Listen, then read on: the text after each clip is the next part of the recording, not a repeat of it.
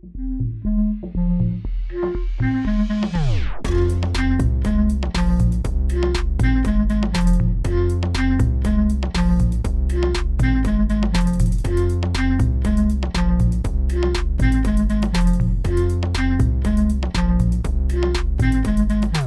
ska vi se. Jag har varit på Spotify idag. Eh, på någon slags podcast-workshop. Ja, Och de tipsen man fick, eller det jag tog med mig, var väl egentligen att man inte ska sluta lägga upp, utan man ska fortsätta. vi ska inte ge upp ännu. Eh, Nej, precis. Det ska vi inte göra. Så alla ni där ute som tror att Alfa-podden snart är ett minne blott, ni har fel. För man ska kontinuerligt lägga upp och de rekommenderar också att man inte skulle ta några så sommaruppehåll som är ganska vanligt att poddar gör. Alltså det är ju många poddar som är på olika produktionsbolag går ju i säsonger. Alltså att de, eh, ja men lite som en tv-serie, så att de har ingenting under liksom sommaren och vintern. Men då Ja. så menar folk, eller då menade då Spotifys poddmänniskor att då lyssnar ju folk som allra mest. Liksom. Ehm, så att bunkra avsnitt om man måste ta semester så att man liksom Mm. alltid kan lägga ut ett avsnitt varje vecka. Vad lärde du dig mer? Ehm, nej, men de sa också att poddlyssnande växer i typ alla målgrupper och många har också bytt poddspelare från Apple till Spotify. Alltså 2018 så lyssnade ju majoriteten av alla i Apples podcast-app och nu har det skiftat helt så att eh, majoriteten lyssnar genom Spotify på podd i Sverige. Eh, och sen så lärde jag mig också lite om så här, ja, men olika interaktionsverktyg. Man kan ju lägga in video, det, det är tillgängligt för alla nu. Så det, är väl, och det, det går tydligen väldigt bra för de som har det och, och det gynnar en mycket att, eh, att ha en videofunktion. Så det ska väl vi också försöka lägga till på Mm. sikt. Eh, och sen så finns det också en funktion på Spotify där man kan lämna kommentarer på avsnitten. Ja, jag har sett det. Kommer du åt de svaren eller? Ja, jag har faktiskt kollat där. Eh, och vi har fått in några kommentarer som jag tänkte läsa. Wow. Eh, då ska vi se. Mini har skrivit Hej Sommarkatten, jag älskar den här podden. Tack så mycket. Tack för att du lyssnar. Gud vad kul. Vilken snäll kommentar. Eh, Maria har skrivit bra. Ja. ja, Ja. det tackar man för. Absolut. Eh, och KM har skrivit undvik redigering, kör som Joe Rogan podcast. Hur känner du kring det Finn? Ja, jo egentligen är jag ju väldigt för att inte redigera så mycket. Men jag tror eh, att man märker... Eh, ja, jag vet inte. Jag tror i teorin så är det väldigt bra. Men jag tror att eh, det kan vara ganska mycket som är ointressant som man vill klippa bort. Jag känner lite samma sak. Jag tänker att vi längre fram kanske kan ha någon slags Patreon-lösning. Där om man är Patreon så får man bland annat då ett helt oklippt. Alltså man får avsnitten helt oklippta också. Ifall man vill Ja. lyssna på allt vårt mellantugg som inte kommer med. Skitet som vi klipper bort. Då får ni betala, då Exakt. löser vi det. Nej, det skulle ju i så fall vara något annat också. Men jag tänker, det kan ju vara en bonusförmån då. Att man får the raw material. Ja, kul. Har någon mer skrivit någonting? Nej, det är de tre kommentarerna vi har. Ja, ja men det var så kul.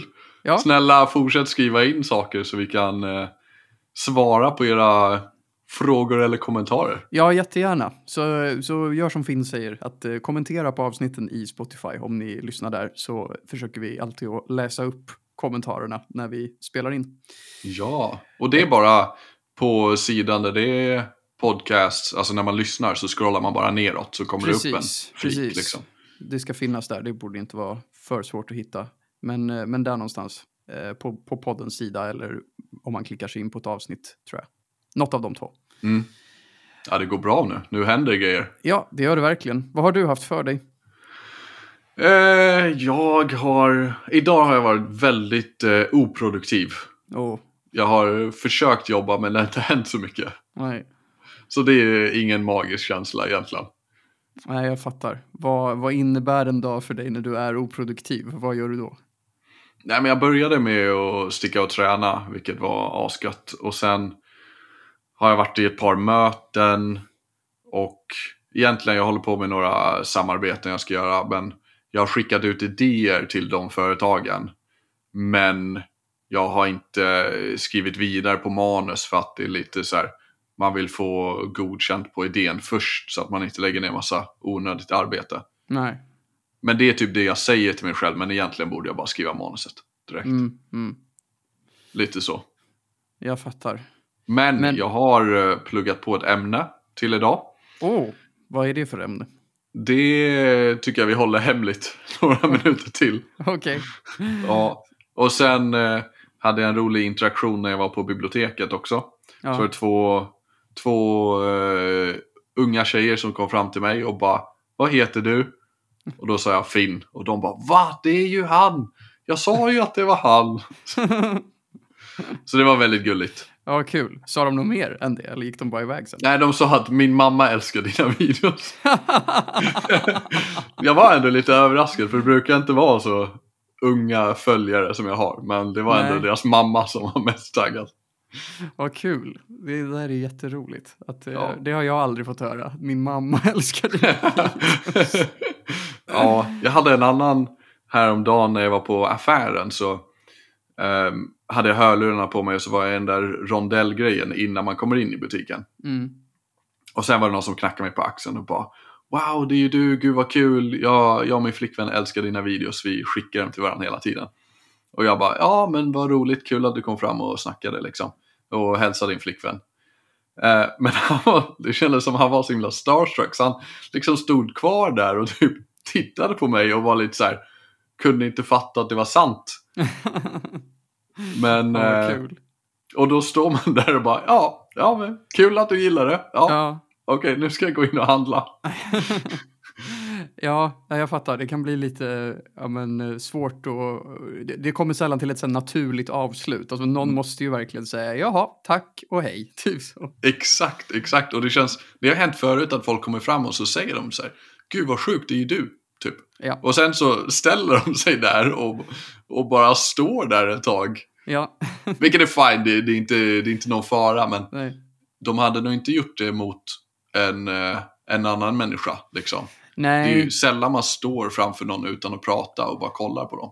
ja men verkligen, verkligen. Jag tror också att det är speciellt när man är så här, när man är någon som folk förknippar med att se i, i sina sociala medier bara. Alltså då har man liksom ingen så här, vi, eller du förknippas ju mest med det liksom. Alltså du, du blir ju någon slags del i deras vardagliga scrollande på något sätt.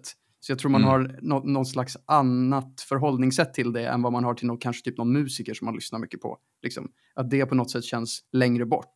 Men Mm. när man tittar på dig så är du liksom, du är på något sätt en del av någons rutin. Det är ju musikern Mm. också. Men jag tänker att det är närmre med dig, för man ser liksom hela dig och ditt ansikte och hör din röst och allt sånt där. Det är liksom inte samma, det kanske inte är lika mystiskt på något sätt. Nej, Nej som men det kanske är något som atlet är... eller en musiker eller en filmstjärna eller något sånt där. Fattar du? Ja. ja, men det kanske blir lite bekvämt när det associeras med kanske, alltså scrollande på sociala medier kanske associeras med att koppla av och ta det lugnt. Mm. Och dags att slappna av eller? Ja men Whatever. exakt. Att det blir, men vänta nu, det där är ju killen som jag brukar se i min telefon ibland. Ja, ja. Eh, crazy. Ja, men Vad har verkligen. du haft för dig på senaste? Eh, nej, men jag har väl varit på ehm, jobbet egentligen. och sen har jag varit med hos min morfar som inte mår så bra och sådär. Mm. Eh, så att det är väl det är väl egentligen det. Jag har inte gjort så mycket roliga saker eh, egentligen. Men eh, vad tänkte jag mer på? Jag vill också ta upp en sån rolig interaction-grej. Att så här, jag, för jag har ju varit med flera gånger när du har blivit igenkänd. Jag tror i alla fall två eller tre.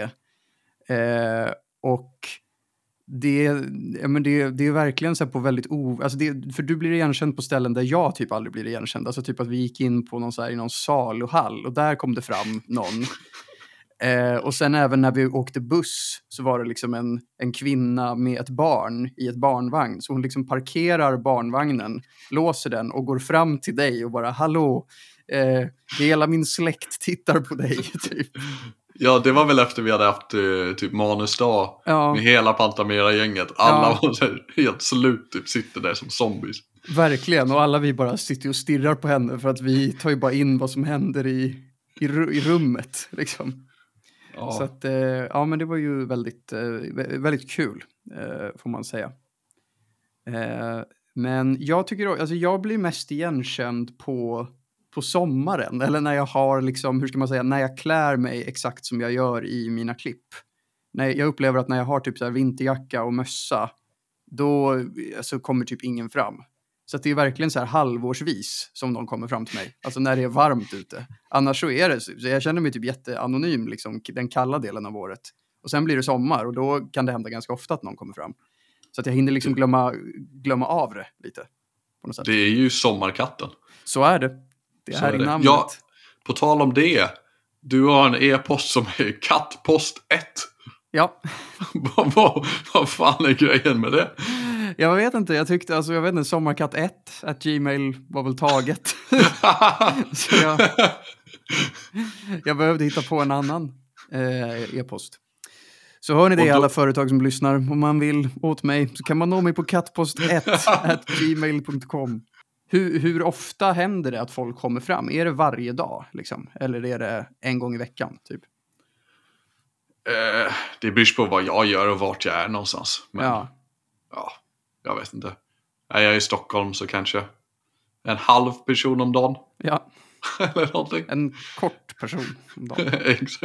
En dvärg om dagen. Precis. Cancelled baby. Åh nej. Det här, det här klipper vi bort, men det kommer med i den Patreon-exklusiva versionen av podden. Men vad eh, har du för ämne den här veckan? Ehm, nej, men jag har... ehm, jag, jag bad ju om förslag för eh, en vecka sedan, lite drygt. Och då så eh, föreslog en eh, kompis till mig att jag skulle prata om Melodifestivalen. Det var Mm. Närmare bestämt Sam Pettersson som föreslog det, även känd som Sam the Mans på TikTok. Call out. Call out. Eller shout out. Det heter det. Call out till någon man ska slåss mot någon. Call out. Sam Pettersson. Call out. Exakt. Nej, men, eh, så jag ska prata om Melodifestivalen. Och jag har en hel del att säga om den kan jag säga. Kul. Ja. Bring it on. Okej, jag börjar den här gången. Eh, nej, men eh, Melodifestivalen, den började 1958. Men då såg den väldigt annorlunda ut jämfört med idag. Alltså då var det ju liksom, eh, ja men genom i stort sett hela 1900-talet, från 58 fram till millennieskiftet så hade man liksom live-orkester oftast. Och det var ju mycket mer old school musik av förklarliga skäl. Men dagens version av det, när det är deltävlingar där tittarna röstar fram finalister som sen tävlar i en final, det började man med 2002. Eh, och jag tycker ofta när man liksom tittar på Mello med kompisar och sånt så blir det oftast diskussioner angående typ regler gällande numren. Så att jag tänkte reda ut lite regler från och med nu. Från och med år 2001 så har inte orkester använts till förmån för det så kallade singback-systemet. Vilket innebär att musiken ligger förinspelad på band. Så all musik man hör i Mello spelas inte live, utan det är pre-recorded allting. Så varje Mm. gång man ser liksom ett rockband som står med massa instrument, alla de mimar med sina instrument. Det är ingen som spelar live. Eh, även fast rockbanden förmodligen kan spela den här låten live och säkert spelar rätt eh, noter, liksom, så hörs det inget ljud ut. Eh, så jag brukar alltid tänka när jag ser ett rockband i Mello att så här, fan ni som liksom, den som står och spelar bas exempelvis och inte sjunger, han måste bara ha det ganska nice ändå, som bara i princip står och liksom jammar loss med ett instrument, men han kan spela fel hur mycket han vill. Det gör inget. Eh, Hur är det med sången då? jag kommer till det. Regeln har varit att all, hu- att all liksom huvudsång, alltså lead vocals, det måste göras live. Eh, och fram till 2008 så behövde även körsången att vara live. Eh, men 2009 så togs det bort, så att då kan även eh, körsång, alltså backup-sång, vara playback. Men den som Mm. sjunger lead, alltså huvudsångaren och huvudsången, den måste framföras live. Så om du och jag körde, Ja. då skulle du kunna köra leadsång och jag hade kunnat köra förinspelad Ja, extra sång. Vad heter det? eh, kör.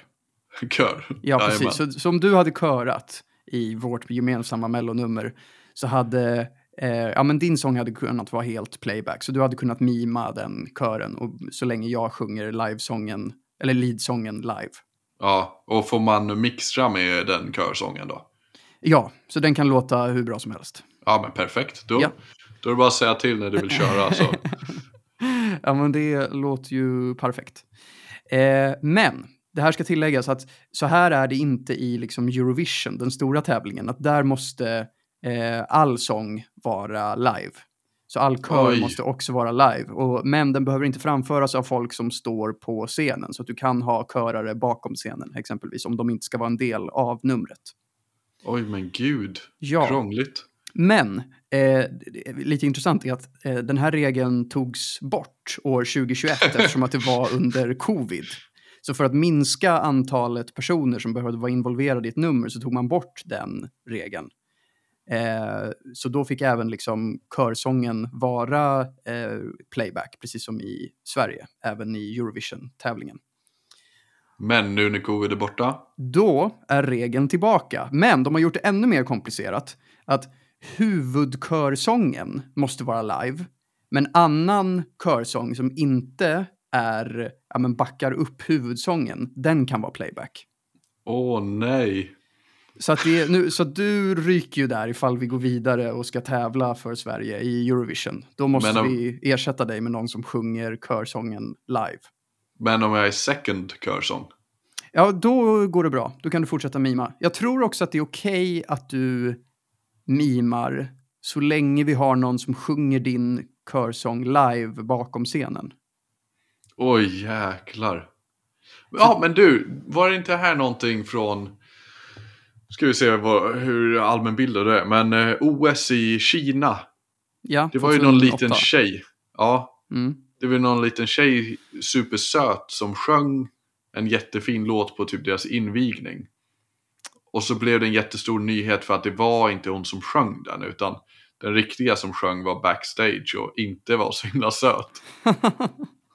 jag får vaga minnesbilder av det här. Men jag kan Mm. inte säga att jag minns händelsen.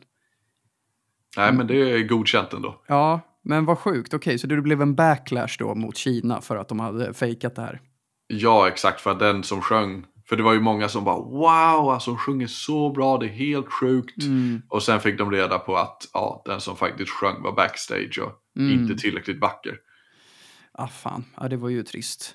Men jag Ja, tror också att det var, det där är ju, där någonstans 2008 var ju liksom en, hur ska man säga, där fick ju internet ett helt annat genomslag med liksom sociala medier och allt sånt där. För att innan dess, alltså på 90-talet, 80-talet var ju jättemycket liksom livemusik, playback, rakt igenom. Det var ingen som brydde sig om det. Det var liksom bara en, en grej. Hur gör vanliga artister? Alltså om jag går och kollar på Drake imorgon. Mm. Hur mycket kommer vara inspelat? Hur mycket? Jag tror att Drake inte har något liveband, utan han har liksom en DJ som kanske inte ens är på scen. Det vet jag inte, jag är inte så insatt i hur Drake gör. Men eh, han har liksom, ja men lite som en melloartist, alltså att han har ett backtrack så att all musik är med och sen så är väl hans liksom huvudsång eh, lite nedtonad på inspelningen och sen så kör han merparten av huvudsången live. Liksom. Men en del av huvudsången är fortfarande med på tracken. Ja, Oftast. ja, så brukar det vara med, alltså väldigt många rappare kör ju liksom, alltså rent av bara playback direkt från mastern. Alltså att det är liksom sången, låten som ligger på Spotify som de bara rappar över, liksom, mer eller mindre. Ja, okej. Eh, ju, men just Drake tror jag nog ändå inte har, jag tror han sjunger rätt mycket live, liksom. Ja, eh, överlag. Men det är säkert lite backup-vokal med på, på playbacken också. Beror, det- varierar säkert mycket från låt till låt. Men jag tror inte att han, jag tror inte att Drake rappar allting live hela tiden utan något backup-track alls. Det finns det nog andra artister som gör mer än, än honom. ja. Men mycket rapmusik är också så här, alltså den, den är ju mer ämnad för typ mindre venues. Och det är liksom inte lika stort fokus på live-biten. Det ska ju vara en låt som låter fet när, folk, när man lyssnar på den i hörlurar i sin bil eller i en klubb, liksom, på ett dansgolv. Och sen när man tar den och ska göra en liveshow av den så blir det... Alltså vissa lyckas bättre än andra. Liksom. Travis Mm. Scott lyckas ju svinbra, liksom. men sen finns det ju andra artister som, jag vet inte, att det faller lite platt. Det var, har du sett det i klippet när det är, jag tror det är One Cuz som rappar med eh, Ed Sheeran Ja, just det. på typ Ullevi eller någonting. Ja, Och det lät inte jättebra. nej. Nej, men det är väl liksom ett typexempel på att så här, alltså, han gör ju, han och många andra rappare gör ju väldigt så här, studiotung musik. Alltså det är mycket Mm. autotune på det, det är mycket effekter så att det låter asnice på liksom mixen och på studioversionen. Men sen när man ska ta alla de där effekterna live, då är det väldigt mycket press på att all teknik funkar och att man hinner soundchecka det jättemånga gånger och att det, liksom, att det blir en bra live-mix. Och det är inte alltid man lyckas med det, särskilt inte när man liksom ska gå upp och gästa någon annan artist i två minuter. Liksom. Så Fun funkar det som att man lägger liksom ett filter även på livemusiken då? Alltså livesången. Ja, precis. Så det går ju att ha liksom en, en autotune exempelvis på en live-mikrofon. Men det kräver ju att, att allting, liksom att det inte är någon latency, så att det inte blir något problem där och att all medhörning, alltså det som artisten hör, funkar så att, man inte, så att det inte låter off. Alltså det, det är väldigt mycket teknik som bara ska klaffa. Liksom. Eh, och det är väl det som är problemet med många liksom, hits idag, att det är ganska mycket studiotung teknik på dem. Och när man ska framföra dem live mer avskalat så kan det låta ganska dåligt för att all den där tekniken kanske inte är med. Antingen för att man inte har möjlighet att ha med den eller bara för att det är, ja, är för komplicerat, helt enkelt. Mm. Ja, jag fattar. Ja. Men du har kört några liveframträdanden? Alltså inte som Sommarkatten. Jag har ju gjort lite olika musikaler och grejer där när jag pluggades. Och då, då körde vi ju liksom med liveband och sjöng och sådär. Och sen som Sommarkatten har jag sjungit en sång en gång på en prisutdelning på ett museum. Ja, det var Eh, det jag tänkte på. Ja, och då körde jag ett backtrack, liksom, så då tog jag en av mina låtar och så sänkte jag leadsången bara. Och så sjöng jag över det. Så att jag hade liksom lite leadsång i bakgrunden, men inte för mycket eftersom att det skulle vara min live vocal då som skulle stå i centrum såklart. Mm. Men sen Hur är det, var- i, refrängen det så tror jag, i refrängen så tror jag att jag hade exakt som på inspelningen för att jag vill ha en maffigare refräng. Liksom. Eh, och det Mm. tror jag också är ganska vanligt, att man har mer playback i refrängerna och mindre playback i verserna för att det ska bli mer ösigt sen i refrängen. Liksom. Mm. Så är det. Vad, förlåt, vad frågade du? Eh, hur, hur kändes det att framföra det live? Nej, det var kul. Det var roligt. Det var liksom inte en av mina låtar som någon hade hört. För att de från museet hade önskat en väldigt specifik jullåt från min julkalender som typ ingen har lyssnat på. Eh, så jag bara, okej, absolut. Det är ert önskemål, det är ni som betalar. Då kör vi den. Ja. Eh, så att jag körde bara den jullåten och det var kul. Liksom. Jag fick ju mer smak. Jag vill gärna framföra fler låtar live. Det hade varit kul. ja. Eh, så att eh, det får vi komma till. På vår första livepodd, då, då ska jag framföra några låtar.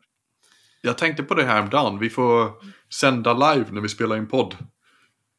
Ja, på... Alltså, när vi gör det absolut. ihop. Ja, det kan vi nästa göra. gång. Det kan vi göra. Det är ju fan en jättebra idé. Ja, jättebra idé. Absolut. Ja, men jag såg någon annan gjorde det och så tänkte jag, ja, men det är ju kul att se eh, behind the scenes lite när man spelar in en podd, hur det funkar. Och, och så kör man bara och så får de som tittar, de som vill se, få se. Ja, De som inte vill, de swipar bort. så är det. Ja, men verkligen. Ja, men det måste vi göra. Det, vi har ju blivit väldigt vana vid att sända live efter Pantamera-veckan. Jajamensan, Så det är ju inte lika främmande längre.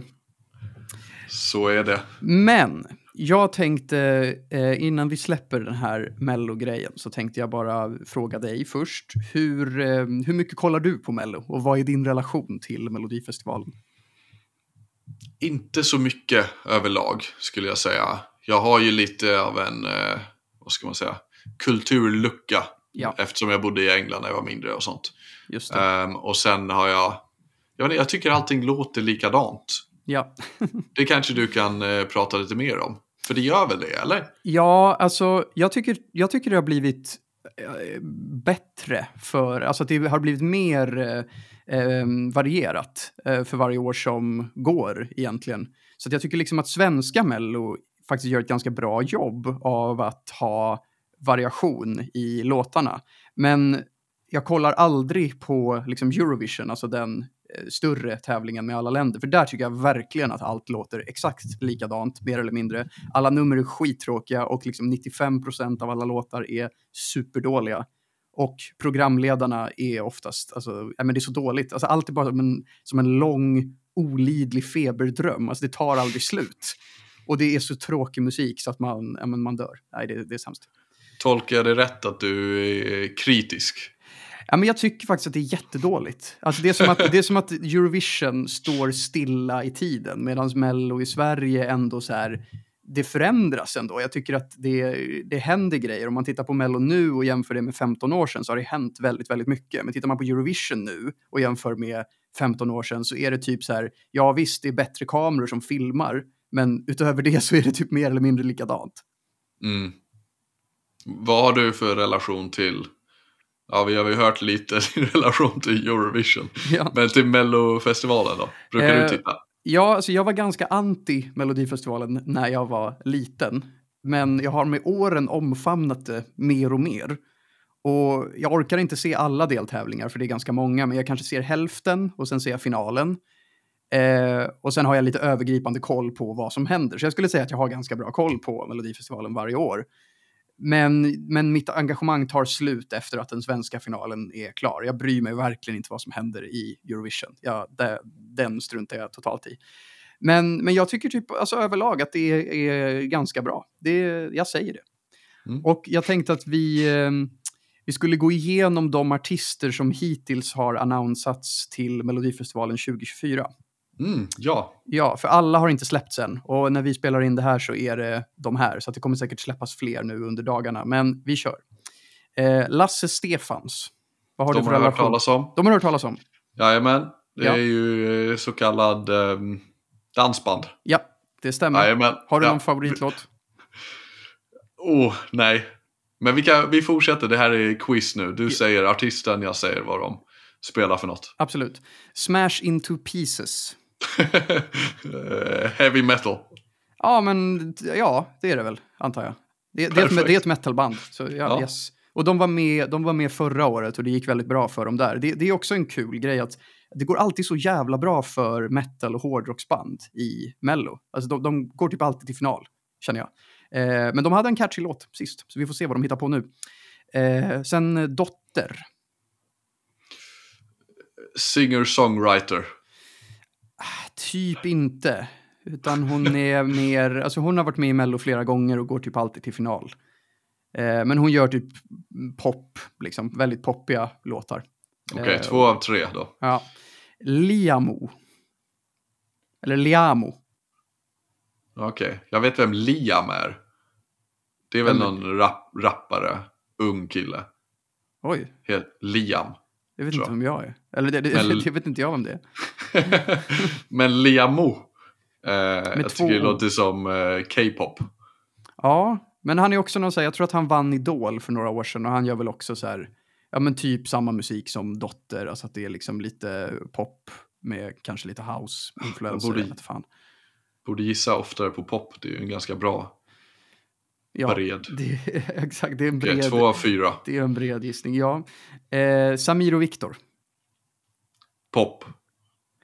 Ja, Det måste väl ändå vara pop eller? Det, det är ju pop, men jag tycker ändå att du får lägga till typ skoj-pop. Liksom. Ja, ja, ja. ja. Ja. Eh, Paradise Hotel Pop. Ja, absolut. Men de gör ändå comeback. De har ju inte kört eh, sen eh, några år tillbaks av någon anledning. Jag får med att Jag hörde- Samir skulle bli mäklare typ. Ja, exakt. Jag med. Det var ändå lite intressant story. För jag har för mig jag såg något från TV4 Nyhetsmorgon. När han ja, skulle byta till mäklare och sa att ja, han inte mådde bra eller ingen mår bra inom medievärlden eller ja, vad, vad man ska säga. Just det. Men nu är han tillbaks. He's back. He's back. Ja, nej men jag, eh, jag respekterar att eh, Samir och Viktor gör comeback. Jag tycker fan eh, de, de, de ska vara där. Ja. Alpha-podden approves. Ja, definitivt. Eh, Elektra. Electro kanske? Jag vet faktiskt inte alls vem det här är, så att jag kan inte svara om du har rätt eller fel. Eh, Cassiopeia. Oj, det låter som en grekisk gudinna. Mm. Som spelar pop. Ja, ja, men hon gör typ pop. Okej, från och med nu får du inte säga pop. Du måste specificera pop och lite mer vad det är för typ av känsla i musiken. Okej. Ja, men, men Cassiopeia, hon är låtskrivare. Hon har skrivit jättemycket K-pop-hits, vet jag. Eh, men hon är också artist. Och hon gick till final för något år sedan, vill jag minnas. Så det blir säkert en bra låt. Eh, Lisa Ajax. Lugn singer-songwriter. Mm, mer typ powerballad pop, liksom. Okej. Men hon vann Idol 2015 kanske. Och eh, har varit med i Mello ett, några gånger. Liksom. Eh, att det blir säkert bra. Hon har en banger från Mello som heter någonting med I don't give a någonting. Kolla upp den, för det är fan en banger. Eh, Okej, då ska vi se. Marcus och Martinus. Ja, det är norsk eh, pop. Ja, ja, absolut. Barnpop. Jag är fortfarande förvånad över att de liksom, de är bara, de är, de är svenskar nu. De är liksom, alltså, för jag menar Norge kör ju också Eurovision, liksom. Eh, men, men de vill hellre tävla här. Och det är helt okej för mig, för de, de, är- de är duktiga. Eh, Klara Klingenström. Jag går vidare på singer-songwriter. Ja, men där får du fan rätt för singer-songwriter. Yes! Äntligen! Ja, men för det är hon eh, ändå. Och hon eh, kom till final för ett eller två år sedan, typ. Det är ändå lite kul att det, det finns en mus- musikgenre som heter singer-songwriter. Ja. det Eller är det en musikgenre? Jag bara gissar det. Alltså typ, jag tror det. Alltså det jag tänker att singer-songwriter, alltså då är att det är lite mer så här eh, gitarr, liksom akustisk gitarrpop, Ja. liksom. Att det är Ja. lite mer, hur ska man säga, det är pop, men det är väldigt så här influerat av typ visor, liksom. Mm, Så att det är lite mer så avskalad pop, kanske man kan kalla det. mm. Men det är kul om någon frågar vilken genre du håller på med. Och så säger man, ja, singer, songwriter. Men det gör typ folk. Alltså jag för mig att så här Rytmus som är en eh, musik, ett musikgymnasium i Stockholm. Jag för mig att de har en linje som heter Sing Songwriter. Eh, de Jo, hade i alla jo. fall det när jag var ung. Alltså det är ju rimligt för det heter väl så. Ja. Men det var konstigt att den personen som kom på den genren var det här ska vi kalla det. ja, jag håller med. Det är oklart. Eh, Adam Woods. Jag Adam tänker eh, Woods. att det är liknande musik till eh, Bon Iver. Eh, Jag tycker också att det borde vara det, men jag har faktiskt ingen aning om om det här är. så att jag kan inte säga om du har rätt eller fel. Så du får Nej. rätt. Tack. Ehm, Kim Cesarion. Upbeat pop. Ja, men du får fan ändå rätt för det.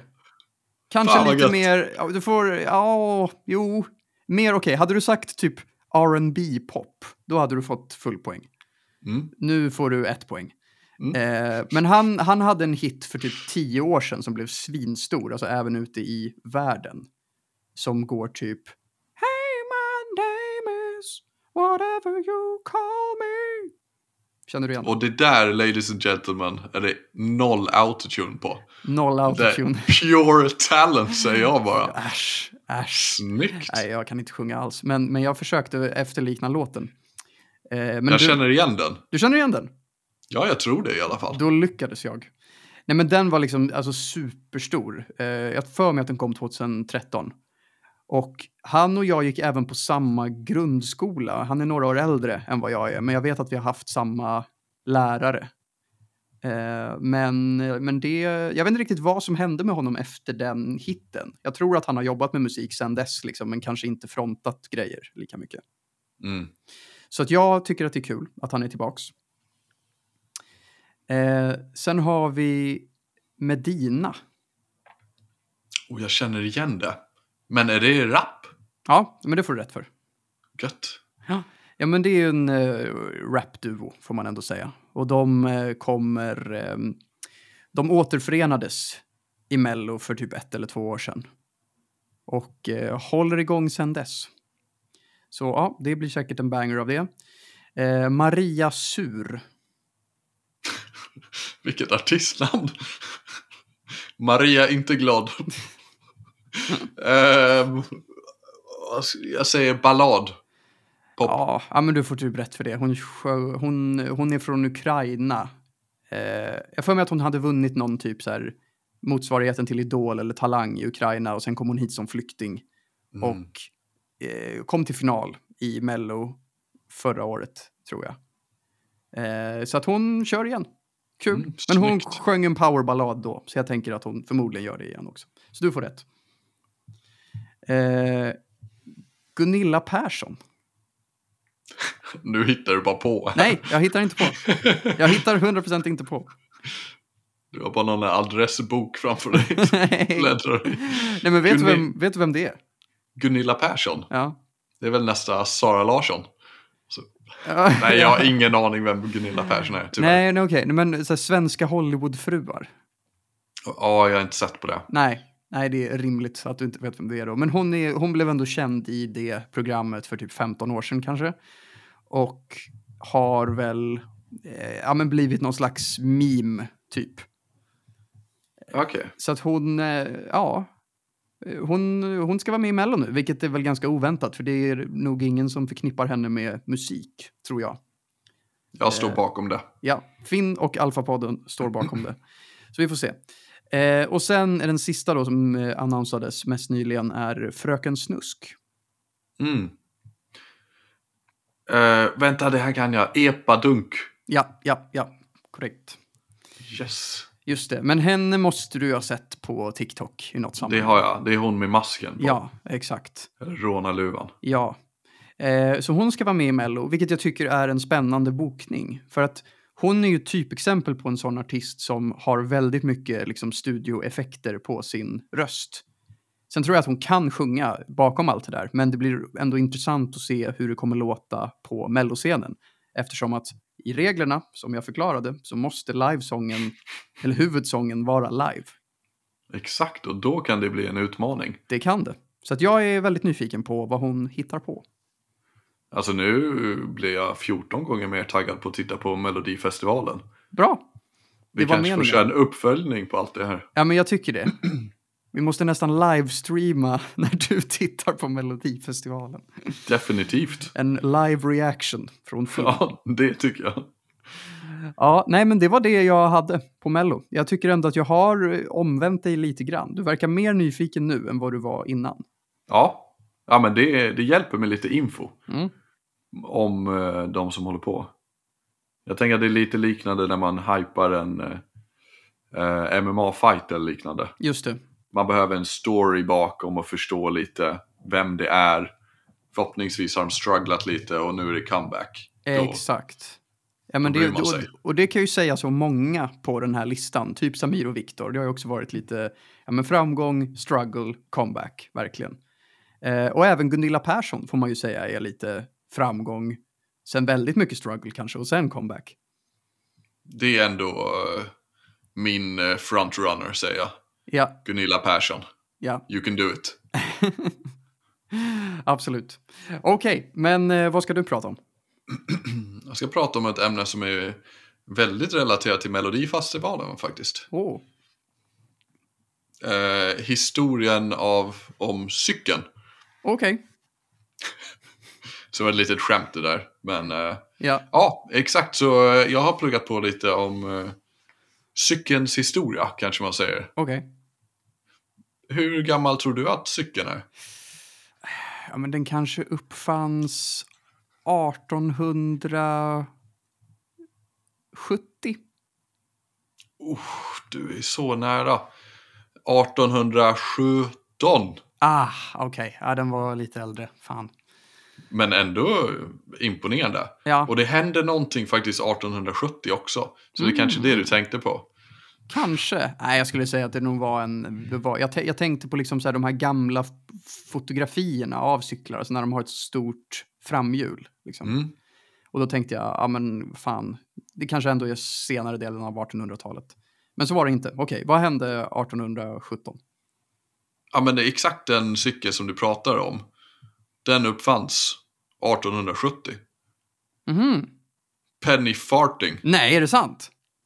Ja det är sant, Den jag med lovar. det stora framhjulet? Ja, Oj, det här är fan en helt sjuk gissning i så fall. ja. Jävlar. Det där är galet. Uh. Exakt det året. Den cykeltypen. Ja, det är fan okej. Nej, det är stört. Det var en ren gissning. Ja, Jag tappar bort mig lite nu. Otroliga saker händer Finns här i Alfa-podden. väldigt förvånad ut här nu. Han försöker att samla sig efter det här Ja. sjuka Ja, men vi går, till, vi, vi går tillbaka till 1817 då. Ja. Ehm, då kom ju den eh, första första cykeln kan man säga. Ehm, och då var det en kille som hette Karl Dreis i Tyskland. ehm, som hade märkt att det var lite problematiskt att ta sig runt. Varför var det problematiskt att ta sig runt just det här året, August? Hmm, 1817. Mm. Och då var det problematiskt. Alltså jag vet inte, vad fan, var det något krig eller var det något brist på... Alltså hade alla hästar dött eller något sånt? Alltså... ja, Det stämmer. Va? Alla Alltså, hästar hade dött på grund av att det var en dålig skörd 1816. Okej. Nej, Alltså jag- jag, Min, min Ja, deduktionsförmåga här är ju störd just nu. det här är helt otroligt. Ja. Ja, i alla fall alla, alla hästar kanske inte hade dött, men många hästar hade dött på grund av att det var en väldigt dålig skörd 1816. Så då kommer den här tysken 1817 på att man kan ta två hjul, en planka mittemellan och sen kan man liksom springa och hasa sig fram och glida lite grann. ja, men det är ju det som, alltså barn har ju sådana. Alltså mi, mina kusinbarn har haft en sån liksom cykel. Där man liksom, så det är ett säte, men det är inga pedaler, utan man bara springer. Liksom, och de blir, de blir skitsnabba med dem. Jag säger Eh. bring it back Ja. för vuxen Ja, storlek. alltså verkligen. Jaha. Och de, de kallas för dandy horse. Mm. Och jag gissar på att det är någon slags alltså fake häst då. Jag tror dandy betyder någonting sånt. Men ja, horse betyder ju häst i alla fall. Ja, det vet Men vi. ja, så det började med sådana där 1817. Eh, först 50 år senare, 1867, då eh, kom första pedalen fram. Mm. Och då hade man en pedal på framhjulet. Okej. Ehm, så det var egentligen en likadan fast en, pad, en pedal direkt i framhjulet som sitter fast liksom. Så det är ingen kedja eller någonting. Nej. Och då slipper man ju ha fötterna på golvet, eller på golvet, på marken. Vilket är nice för man kan cykla snabbare. Mm. Men det blev också väldigt obekvämt för att man har man hade ju ingen stötdämpning och allting är gjort av typ järn. Så man kallade de här för bone shaker. Mm. Och det var till och med så pass illa att vissa liksom bröt svanskotorna och sånt när man cyklade Oj. på dem. Nej, det låter inte nice alls. Nej, inte alls nice. Och vad... Sen tre år senare, som du vet, kommer ju den här eh, High Wheeler, eller Penny Farting som det heter. Med ett gigantiskt framhjul och ett väldigt litet bakhjul. Varför hade man ett så stort framhjul? Exakt. Det är en bra fråga och det har jag svaret på. Oh. Ja, så det finns två huvudsakliga anledningar. En av dem tror jag ändå du kan gissa dig fram till. Om Ehm, pedalen sitter i framhjulet. ja, just det. Då behövde... Då, ja, ja, precis. För att allt, hela den liksom pedalanordningen var kopplad till framhjulet. Och inte Mm. till... Fast vänta nu. Fast nu på en vanlig cykel så är det ju till bakhjulet. Ja, jag vet inte. Man skulle få eh, mer alltså vridmoment, typ. Jag har ingen aning. Ja, men desto större hjul man har, desto snabbare kunde man cykla. Aha. För att det var liksom ingen, ingen kedja och inga växlar, utan den satt liksom direkt in i navet. Ah, Okej, så det var för att de skulle gå snabbt? Ja, så desto större hjulet är, desto längre du kommer liksom på en snurr av benen. Ja, just det. Men behövde man inte liksom, alltså bara komma upp på den måste ju varit ah, jättesvårt. Mm, ja, det var ju det. Det var ju farligt också. Ja. Ehm, så på den här tiden så var det bara egentligen uh, äventyrliga män som cyklade på sådana här. Ja. För att det var väldigt svårt, man kunde cykla rätt snabbt och det var väldigt farligt för du ramlar ju, du kan ju inte ta emot dig på sidan utan du måste ju typ hoppa ner från den. Om du hade levt 1870 så hade ju du 100% haft en sån här, känner jag. 100%. Ja. Jag, jag tror nästan att du och jag får ta oss till något ställe där man kan testa sådana här. Ja. Ja, det, det tycker jag med. Jag, jag hade definitivt inte haft en sån här, men du är en äventyrlig man, så du hade haft en sån. Även om du inte hade haft råd med den så hade du hittat ett sätt att få tag i den, tror jag, om du hade levt back in the days. Menar du att jag hade snott den? Kanske. Jag tror att du så gärna hade velat ha en. Så att du kanske kan ha gått så pass långt så att du stal den. Ja, speciellt om det var i England. Ja. Under, min ungdom. Ja, just det. Ja, Ja, Men då, då var ju en av fördelarna att den kan gå mycket snabbare med ett stort framhjul. Mm. Den andra fördelen är att det blir lite dämpning också. Det blir inte lika stora smällar när framhjulet är så stort. Mm. Och att liksom små hål och sånt som man cyklar över, de påverkar inte lika mycket heller när hjulet är väldigt stort jämfört med om hjulet är litet. Men hur gick man av den? Det är en gåta. Det är en gåta som jag inte har svarat på. För, för jag får med att jag sett liksom väldigt gammal film på när folk cyklar på de där och att de liksom att de, de, de har den typ bredvid en kulle eller i liksom en backe så att de ska enklare komma på den. Alltså att de liksom Mm. kliver på från en höjd. Ja, jag tror man försöker ta lite fart också. Jag såg något klipp när någon springer med den Ja, och sen hoppar upp. okej. Ehm, men sen är det ju också fixed wheel. Så pedalen, liksom, du kan ju bromsa med den Ja, ifall du håller emot. ja, just det.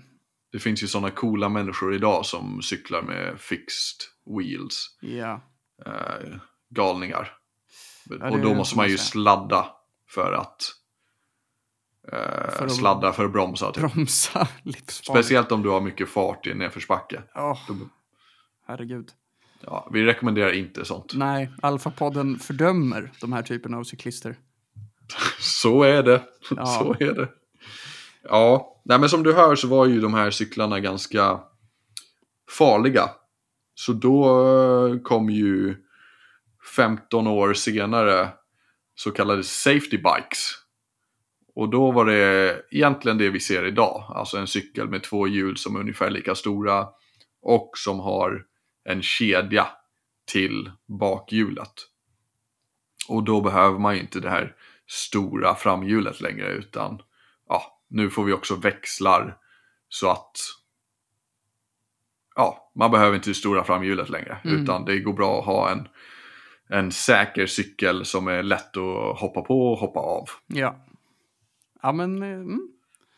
Och det där, det var cykelns historia. När, ja men eh, bra. Ja, vi, vi fick lära oss många nya saker. Eh, jag fick flexa med min otroliga kvalificerade gissningsförmåga. Jag Eh. fattar fortfarande inte att det där är sant. Nej. Alltså, nej du kanske är lite så här halvmedium. Ja, men- medial. Ja, men kanske. Jag, alltså jag kanske har fått höra det någon gång för jättelänge sedan och så har det lagrats och sen bara kom informationen fram nu på ett oväntat sätt. Jag vet inte. Men jag tänkte fråga, eh, när lärde du dig cykla? Oj, det är en bra fråga. Jag har inget årtal, men det var ju när jag var i England. Jag kanske var fem eller Du har någonting. bara vaga minnen av ditt brittiska kriminella förflutna. Ja, jo, men jag försöker förtränga det. Men jag minns att jag hade sådana stödhjul i alla fall när jag började. Just det. Okej. Och det var en riktigt liten cykel min första, så då var jag nog ganska ung. Ja. Men minns du när du tog bort stödhjulen? Nej, men jag minns en sak och det var när min mamma sålde min cykel. Oj. Och jag blev typ hjärtkrossad. Jag kommer inte ens ihåg varför eller så. Men Hade du inte skulle- vuxit ur den bara? Det var nog så. Men jag tyckte om den så mycket. Ja. Och den hade såna här typ vaddering. ehm, och var så här röd, jag tror den hade flames också. Åh. Och den var så cool och så bara en dag så tror jag den var borta. Nej, fy fan, vilket trauma. Ja, vad är det 30 år senare kommer jag ihåg det nästan. Om det finns någon cykelmakare som har det här, kan vi återskapa den här cykeln åt Finn, fast i vuxen storlek, så att han kan använda den? Det hade ju varit Det fantastiskt. hade varit något. Ja men det var ju sån här, alltså jag tror den här stången i mitten hade, var vadderad ungefär som när man är på gymmet. Ja, just det. Såna där stång vadderingar när Ja, man ska göra ja. squats. Just Så såna var det på, fast röda Ah, flames. oh. är det, den, är, den låter riktigt cool. När började du cykla? Eh, nej men jag cyklade, alltså jag började nog när jag var ganska liten och jag minns att mina föräldrar var väldigt så, du ska inte ha några stödhjul, då lär man sig aldrig. Va? Vad är det för föräldrar du har? jag vet inte. Så jag fick inte ha stödhjul på cykeln. Så jag körde mycket sparkcykel minns jag. Förmodligen för att jag inte fick ha stödhjul på en vanlig cykel. Men du fick inte ens ha det till att börja med för att lära dig? Nej. Nej. Nej, alltså, Livets utan hårda hade, skola. Nej, men vi hade liksom en, en, en pinne på, eh, som min farsa kunde hålla i. Liksom. Alltså, mm, eh, från, från sadeln, en pinne. Just det, Ja, jag har sett dem. exakt. Så vi hade en sån. Och, eh, men då var jag ändå beroende av, av att han höll den. Eller alltså ibland så kunde jag ju säkert cykla utan att han höll i den. Men, men då var man ju ändå så här, du håller väl i pinnen? Du håller väl i pinnen? att man var rädd. Men jag tror ändå att det dröjde lite längre för mig än för mina kompisar. Jag tror jag kanske var typ sju när jag kände att så här, okej, men nu kan jag verkligen cykla. Liksom. Ja, Eh, jag minns att det tog något år extra för att jag var så nervös. Och jag vet inte, jag, jag kan ju inte säga att det var, det kanske är bättre att ha stödhjul, för jag kan ju vara ett, ett, bevis, ett anekdotiskt bevis på att det tar längre tid att lära sig utan dem. Men, eh, eller så är det inte så. Jag kan också tänka mig att väldigt många som kör med stödhjul blir fast i stödhjulen och aldrig vill ta av dem. mm. det låter som en enda stor metafor för livet. Ja, eller hur? Men det är det inte, utan vi snackar om att lära sig cykla. Exakt. Nej, men så att jag, jag minns att det tog lite längre tid för mig än för mina kompisar. Men när jag var sju så kunde jag ändå. Mm. Men sen får man ju se ändå hur eh, långt du har tagit dig i verkliga livet. Ja, just Det det. kanske var någon baktanke där med från dina föräldrar. Så är det. Det har Ja. lärt mig att kämpa hårt och att aldrig ge upp. Förutom när det blir riktigt jobbigt, då skjuter man på det. Och sen lär man sig till slut. Men jag tror också att det är liksom skillnad med alltså, var man växer upp. För att säga, jag är uppvuxen i Stockholms innerstad. Och där är det Mm. för fan livsfarligt att cykla om man är sju år gammal. Liksom. Eh, så att, så att jag tror också att det har lite att göra med det. Att alltså, ytorna man har att cykla på är ju lite mer, man ska ju ta sig någonstans till där det är säkert att cykla på. Man kan ju vara på sin lilla gård eller så måste man liksom till någon park eller whatever. Men alltså jag hade ju aldrig låtit min sjuåring bara åka ut och cykla i stan utan uppsyn. Liksom. Men jag tänker att så här, är man uppvuxen eh, i en mindre stad där det inte är så mycket trafik, då kan man kanske cy- börja cykla fritt lite tidigare. Mm. Ja.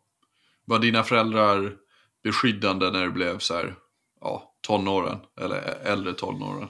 Eh, alltså, Hade de koll på dig? Nej, alltså de behövde inte ha så mycket koll på mig för att jag var väldigt töntig. Så att säga, jag gjorde ju typ ingenting. Eh, men om jag hade var, men de hade nog var, behövt liksom eh, vara... De hade, så här, om jag hade varit mer rebellisk som tonåring, då hade de nog va- varit ganska hårda. Men i och med att jag inte var rebellisk så gjorde de typ ingenting. Mm. Hur var det med, med dig och dina föräldrar? Mm, ja, men jag har ju växt upp med min mamma och syrra. Och, men mamma har varit väldigt chill, Mm. alltid. Ja. Det har verkligen varit, eh, jag får göra vad jag vill. ja, Ta eget ansvar typ. skönt. Ja, Ja, men- ja faktiskt. Jag är väldigt eh, glad över det. Ja men verkligen. Nej men mina föräldrar var väl typ, alltså typ också så, men de var ändå så här, alltså så länge jag skötte mig i skolan och så där, alltså om, det, om de märkte att något betyg var dåligt, då blev det liksom snack om det. Men, men jag har liksom aldrig haft så här datatider eller liksom sånt. Eh, som jag vet att mina, alltså många kompisar hade. Alltså att det var väldigt strikt när de fick använda typ så här datorn eller kolla på tv eller sådär. Men det var Mm. rätt. Så länge jag gjorde typ läxor och sånt så var det chill. Mm. Men det var väl också det att så här, jag, jag tror också att det är en skillnad när man liksom... ehm, för jag har vissa kompisar som uppvuxna i villor och de hade typ så här utegångsförbud och sådana grejer.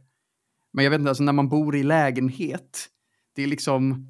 Det går ju inte att smita ut eller något så. Alltså det finns liksom en dörr att gå igenom. Så att så här, eh, jag vet inte, jag upplevde inte att det var samma grej för mig och mina kompisar när jag växte upp. Sen beror det väl också på om man är en person som är ute och festar mycket. Och det var jag inte i mina liksom, tidiga tonår. Inte då, Men, men nu! ja, men hade du en stökig tonårsfas? Nej, det ska jag inte påstå. Jag var ganska städad. Ja, du spelade Det- beachvolleyboll och höll käften. Nej, men jag gjorde ju faktiskt inte det Nej. ännu. Men då höll jag på med annat. Det blev... Ja, vad gjorde jag? Ja, jag reste ju mycket. Mm. ehm, ganska tidigt. Alltså även när du jag var var- i högstadieåldern liksom. Nej, nej det är inte sant. Men eh, jag tänkte lite senare. Men jag drack till exempel inte alkohol innan jag var 18. Så jag nog... Nej, nej men det gjorde, det gjorde typ inte jag heller. Eller så här, året jag skulle fylla 18 så började jag dricka. Mm, Men, eh, men innan dess så drack jag i princip ingenting. nej, nej. Same, same. Vi var så ordentliga Finn. Jajamän. Back in the days. Och sen, sen åkte jag till Kanada. Oj, oj, oj. Då förändrades allt. Då förändrades allt. Det blir ett Patreon-exklusivt avsnitt om Finns stökiga liv i Kanada. Alltså vi har så mycket för Patreon nu. Ja, det är, ja, man kommer vilja bli Patreon. Vi har inte ens startat en Patreon. Det kommer längre fram. Galet. Ja. Ja, nej, men med de orden kanske vi ska sätta punkt. Let's wrap it up. Ja, tack för att ni lyssnat på det här mycket oväntade avsnittet. Ja, tack så mycket. Ha det bra. Farväl.